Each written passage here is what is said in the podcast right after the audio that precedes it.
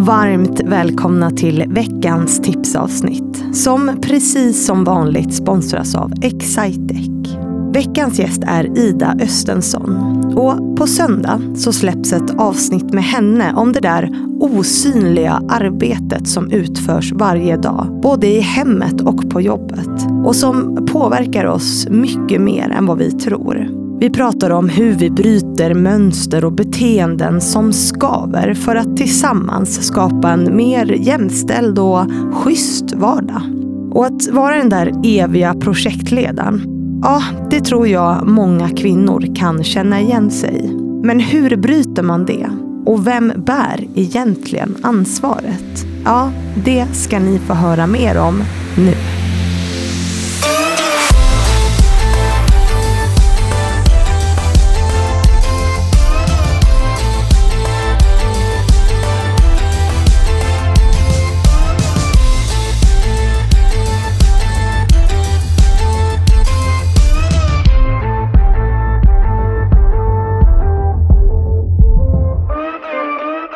Då säger vi hej och varmt välkommen till Ida Östensson. Tack. Nu är vi lite mosiga efter en timmes poddinspelning. Hur känns det? Jo, men jättebra. Ja. Alltid proffsig är du. ja, du tycker det. Det var ju fint. Mm.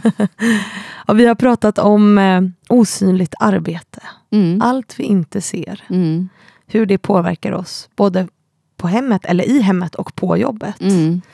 Vilket ju är en av de, eh, tycker jag, viktigaste jämställdhetsfrågorna. Alltså, som påverkar kvinnor på så många nivåer. Alltså, det har ju effekter, inte bara på vad vi tjänar, våra pensioner, ekonomi, alltså hur vi mår. Mm. Jag tänker också på så här, mäns våld mot kvinnor. Alltså att det också är en superviktig fråga ur Mm. den aspekten. Mm. Eh, hur, vi, vilken typ av makt vi har i våra relationer, vem vad. Alltså det har ju Mm. så många effekter. Ja. Just det här osynliga arbetet. Eh, och vi har pratat nu i en timme om hur det ser ut. Mm.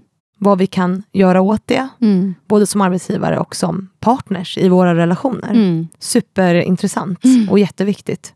Tack. Så ni som lyssnar nu, ni kommer få jättemycket fakta.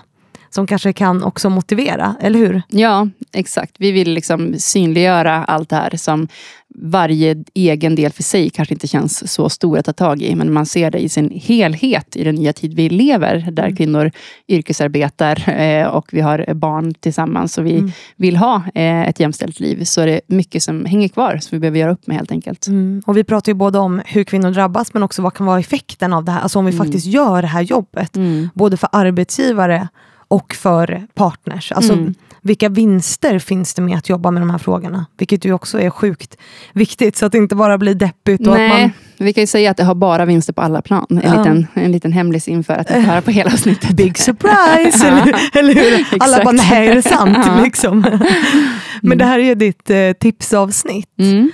Eh, och då ska vi prata lite om, så här, för många kvinnor upplever ju att man är projektledaren hemma eh, och på jobbet, Mm. vilket ju är sanningen. Liksom. Mm. Och vi ska prata lite om hur man kan gå ifrån det. Mm. Så jag lämnar över scenen till dig, tänker jag. Ja. Och jag tänker att eh, jag fokuserar på eh, tre tips på jobbet nu om det är okej. Mm. Mm. Och vi vill ju vanligtvis inte ge råd till kvinnor. För att eh, kortfattat så kvinnor lägger alltså fem till sex timmar i veckan mer än sina manliga partners på osynligt arbete hemma. Och eh, upp till 200 timmar per år på eh, icke-meriterande arbete som är en del av det osynliga arbetet på jobbet. Det blir liksom över två månader per år sammanslaget. Vi vet att det är eh, kvinnor tillfrågas 50% oftare och att kvinnor också eh, säger ja 50% oftare. Men också att kvinnor bestraffas om de säger nej medan män inte gör det. Eh, utan att det mer ses som någon, någonting positivt. Så därför så tycker vi att det här ska vara, ligga på arbetsgivarens ansvar och skapa strukturer och rutiner kring vilket man kommer få höra i avsnittet. Men med det sagt så finns det ändå lite saker man skulle kunna göra. Mm.